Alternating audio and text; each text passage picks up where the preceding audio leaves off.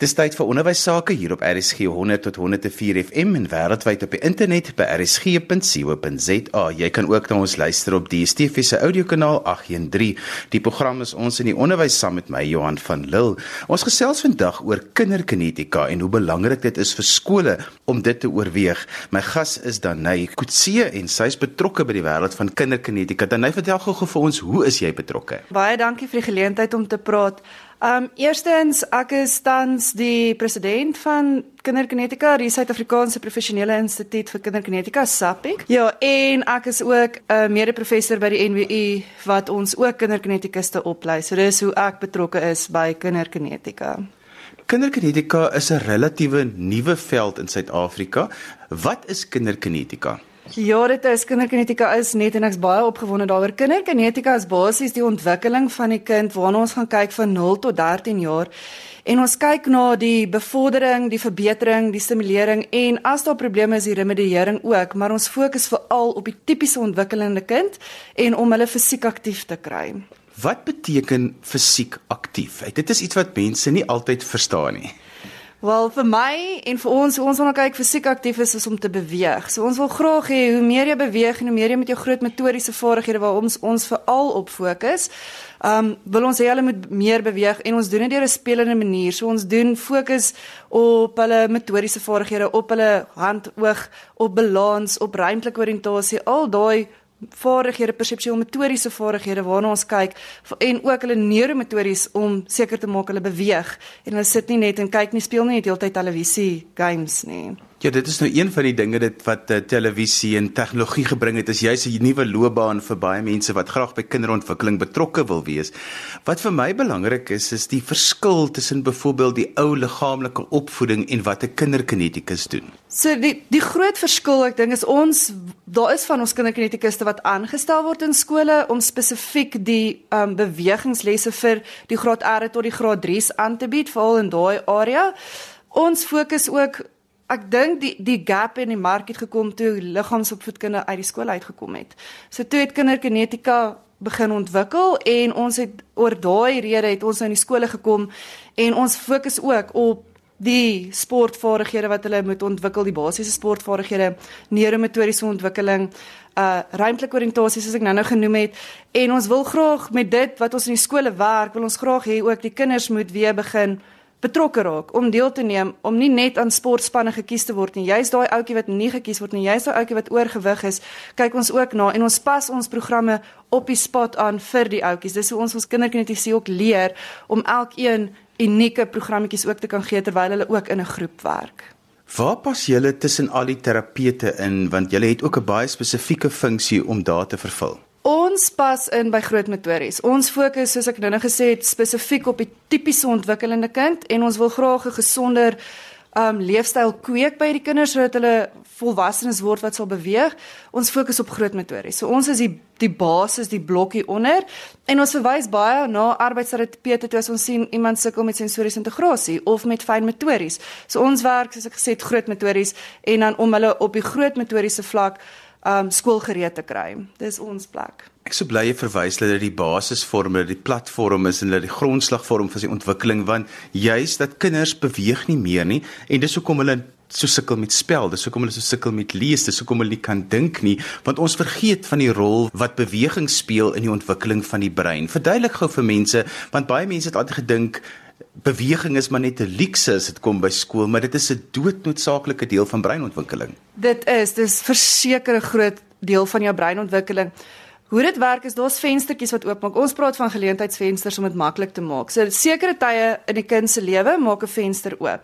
En in sekere tye dan is die brein baie meer vatbaar vir byvoorbeeld groot motoriese ontwikkeling. En omdat dit die basis is, is dit wanneer daarna gekyk moet word. Ons gewoonlik sit tussen 0 en 7 jaar is die kind baie vatbaar vir daai ontwikkeling en nuwe vaardighede aanleer en om die breinontwikkeling te stimuleer wat dan ook gaan help vir as daai in basis gevorm is, gaan die kind nie sukkel met lees en skryf en wiskunde doen want baie keer gaan die mense van ek sit en nou begin ek teken. Hulle doen nie die groot metodiese goed nie. Hulle oefen nie die spiertonus en die ruimtelike oriëntasie en die koördinasie en balans en al daai goed is belangrik vir skryf soos wat jy nou net genoem het Johan.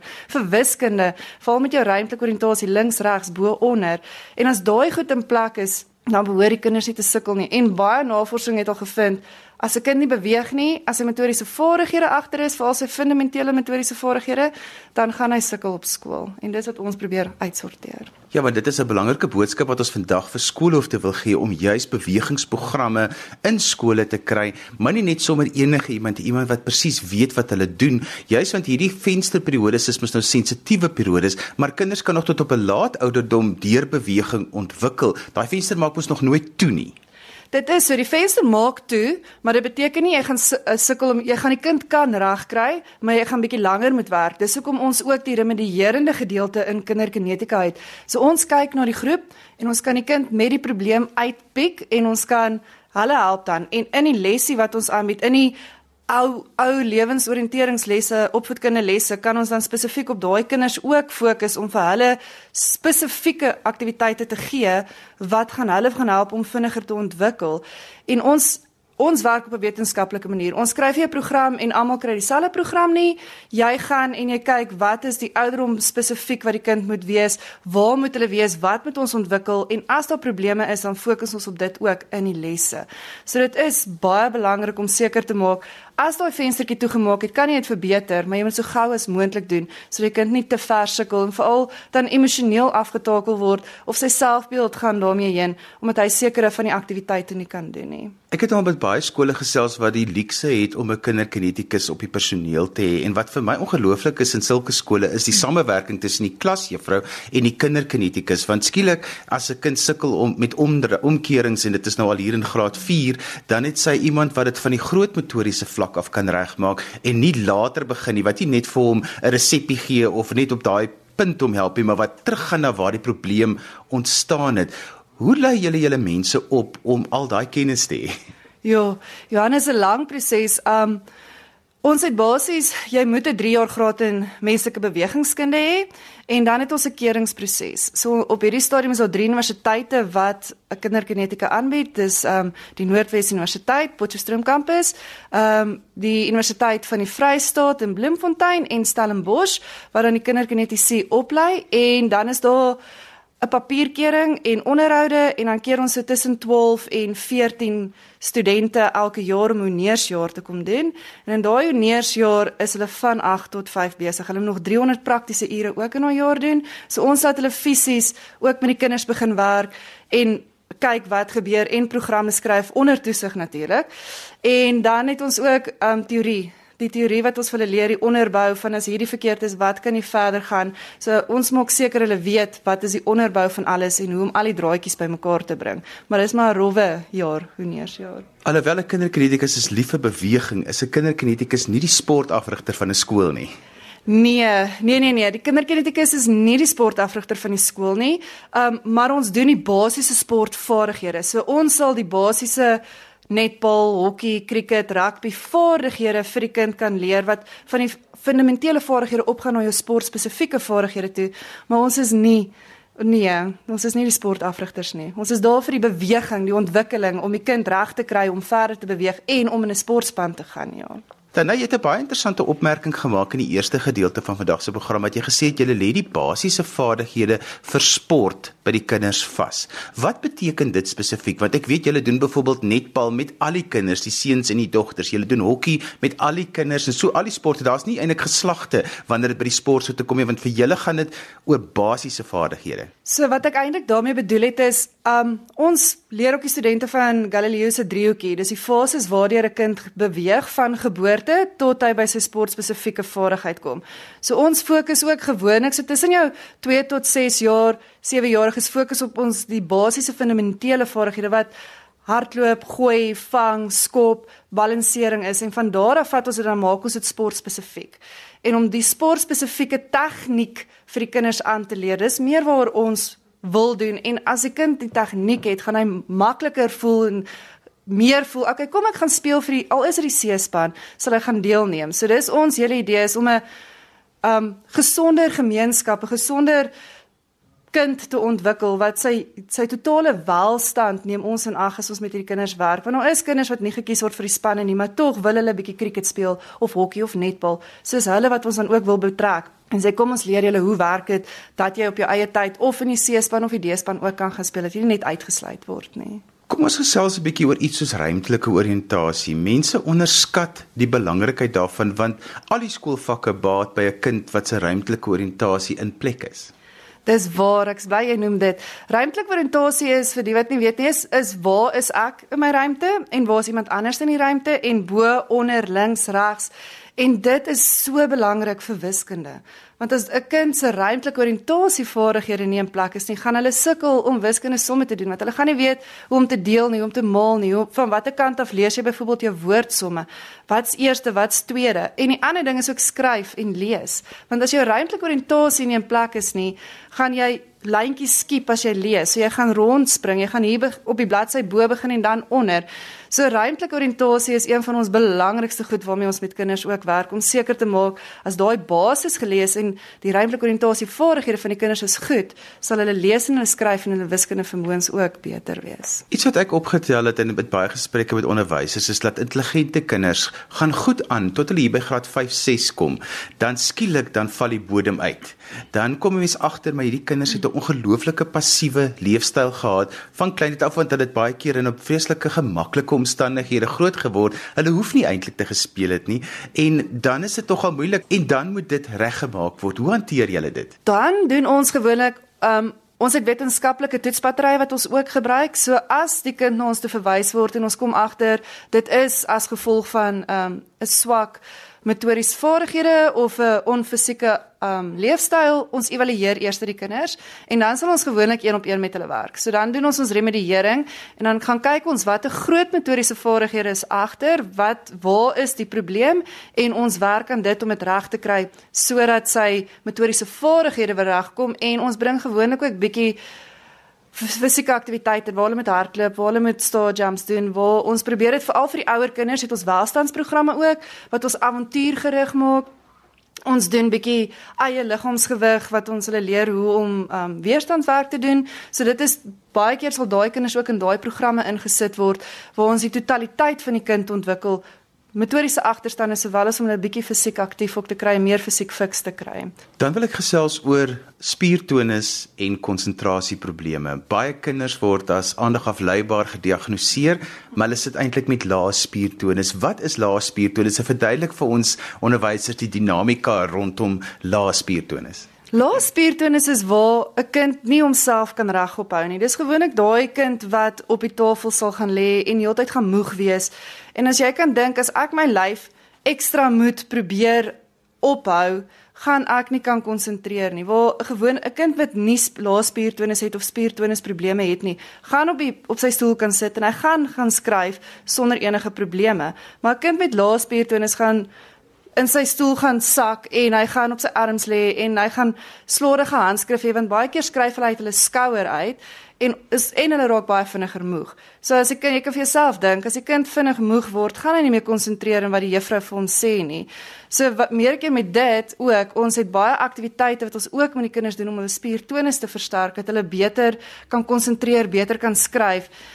En wat ook baie keer help is 'n vinnige situasie, vinnige oplossing. Laat 'n kind byvoorbeeld op 'n gymnastikbal sit in die klas met 'n spiertonus probleem, want dan sal hulle ook regop gaan sit want jy kan nie te veel sak op 'n bal nie want dan gaan jy afval. So dis hoe ons ook met dit werk en die spiertonus veral kom ek by jou skrif in. En soos jy ook gesê het Johan, konsentrasie wat weer 'n groot probleem vir jou akademie kan wees. So ons fokus ook baie op jou spiertonus. Dit is belangrik dat dit ook regkom. 'n Mens kry iets soos hoë spiertonus, lae spiertonus geniet, maar die, dit kan of geneties wees of dit kan 'n passiewe leefstyl wees. Hoe onderskei mense tussen die twee? Weer 'n keer ons kyk na wetenskaplike toetsbatterye wat ons gebruik en daar is verskeie toetse wat ons kan sien is dit geneties of is dit as gevolg van 'n swak leefstyl dat die die maagspiere net swak is. So daar is toetse wat ons doen om te evalueer is dit um die spiertonus of is dit net 'n swak postuur wat die kind handhaaf? Kom ons gaan weer gou terug na die kwalifikasies van 'n kinderkinetikus. Dit is nogal belangrik dat skole moet weet dat daar is net 3 instansies wat kinderkinetiese oplei. Want daar's baie ander kursusse daar buite wat bewegingskunde doen, maar kinderkinetika is 'n baie spesifieke veld en jy moet geregistreer wees om dit te kan doen. Ja, jy moet so daar's drie universiteite wat kinderkinetiese oplei en dan is ehm um, Centurion Akademie lei assistent kinderkinetikuste op. So hulle is ehm um, kan ook kinderkinetika doen, maar hulle moet onder onder 'n kinderkinetikus werk en hulle kan sekere goed op hulle eie doen en seker is nie, maar As jy as 'n kinderkinetikus afgestudeer het, moet jy by SAPIC registreer. Anders mag jy nie die naam kinderkinetika gebruik nie want dit is 'n geregistreerde naam. Ons het 'n trade trademark op hom. En met SAPIC kyk ons ook maak ons seker dat almal doen wat hulle geleer is en nie net buite die lyne gaan en en doen wat nie vir hulle mag doen nie en dalk net mag droog maak. So so deur beskerm ons ons lede en ons beskerm ook die publiek daar buite. So as jy afgestudeer het by die universiteite, registreer die lede gewoonlik by SAPIC en ons het 'n raad wat dit bestuur. So ja, Jy is op die oomblik die voorsitter van SAPEX. So skole kan byvoorbeeld met julle kontak maak om seker te maak iemand het reg die regte kwalifikasies wanneer hulle by 'n skool aankom. Ja, ons ons sal ons moedig dit aan dat die skole asseblief ons kontak by SAPEC om te hoor of iemand die kind wat die kinderkinetikus wat by skool opdaag wel by ons geregistreer is. Dat ons ook net weet dat hulle ook kinderkinetisie is wat afgestudeer is en nie net die naam gebruik nie omdat dit 'n 'n geregistreerde naam is. Um en hulle kan ons op ons webtuiste kan hulle ook gaan gaan ons gaan besoek en as hulle mense wil aanstel kan hulle ook vir ons vra, weet ons van iemand as hulle wil aanstel hoe ons betrokke kan raak. Enige skool kan ons kontak. Ons webadres is www.kinderkinetics.co.za en jy kan ons ook e-pos by um sapik@nwu.ac.za of sapikinfo@gmail.com. Dan sal ons julle enige navrae Dis nie net onderwysers wat ons hoef te um, e-pos nie. Ouers, enigiemand kan ons 'n e-pos stuur. Dan kan ons vir julle antwoord en ook sê kinderkinetikuste wie in jou omgewing is, wie hulle kan heen gaan om te help. Ja, of jy kan net Google kinderkinetika en wie dan kom jy ook by julle webtuiste uit. So dis 'n maklike manier om daarby uit te kom. Wat is die laaste boodskap wat jy nog wat skole moet weet van kinderkinetisie? Kinderkinetika is my passie, dis my lewe en ek dink net dit sal goed wees as skole kan besef wat is die belangrikheid om te beweeg. Nie net dat om die LO periodes weg te vat en te voel daar moet nou eerder akademie aangespandeer word nie. Ek dink die belangrikheid is beweeg, beweeg, beweeg. Hoe meer jou kinders gaan beweeg, hoe beter gaan jou skool wees, hoe slimmer gaan hulle wees. Daar's nie verniet van jou akademie word gekoppel aan hoe metodies goed jy is nie. So hoe meer metodies jou kinders ontwikkel, hoe meer hulle beweeg, hoe meer fisiek aktief hulle is, hoe beter kind, totale kind gaan jy hê, want sy emosies, sy kognitief, sy fisieke aktiwiteit, sy gesondheid, alles gaan net in plek wees en jy gaan 'n gesonder skool hê. So my boodskap is laat julle kinders beweeg, laat kinderkinetiese in die skole kom, laat ons julle help om dit reg te kry en laat ons hande vat en 'n pad vorentoe stap. Ek wil gou 'n vraag net vra om af te sluit. Met ander woorde, baie kinderkinetiese werk binne skole, maar baie het ook hulle eie praktyk. Ja, dit is so. Daar is kinderkinetiese wat in die skole aangestel word deur die beheerliggaam en dan is daar kinderkinetiese wat rondreisende kinderkinetiese is of hulle eie praktyk het. Wat dit beteken is alle werk by kleuterskole veral met jou graad R'tjies om hulle skool gereed te kry. So hulle ry na die kleuterskool toe, hulle het 'n skool, hulle doen die kinders, hulle gaan terug na hulle praktyk toe en in die middag kom die kinders na hulle praktyke toe waar hulle dan welstandprogramme of baba stimulasie programme aanbied of swem of ehm um, ehm um, gestream uh, pro programme wat met kinders met spesiale populasie is werk.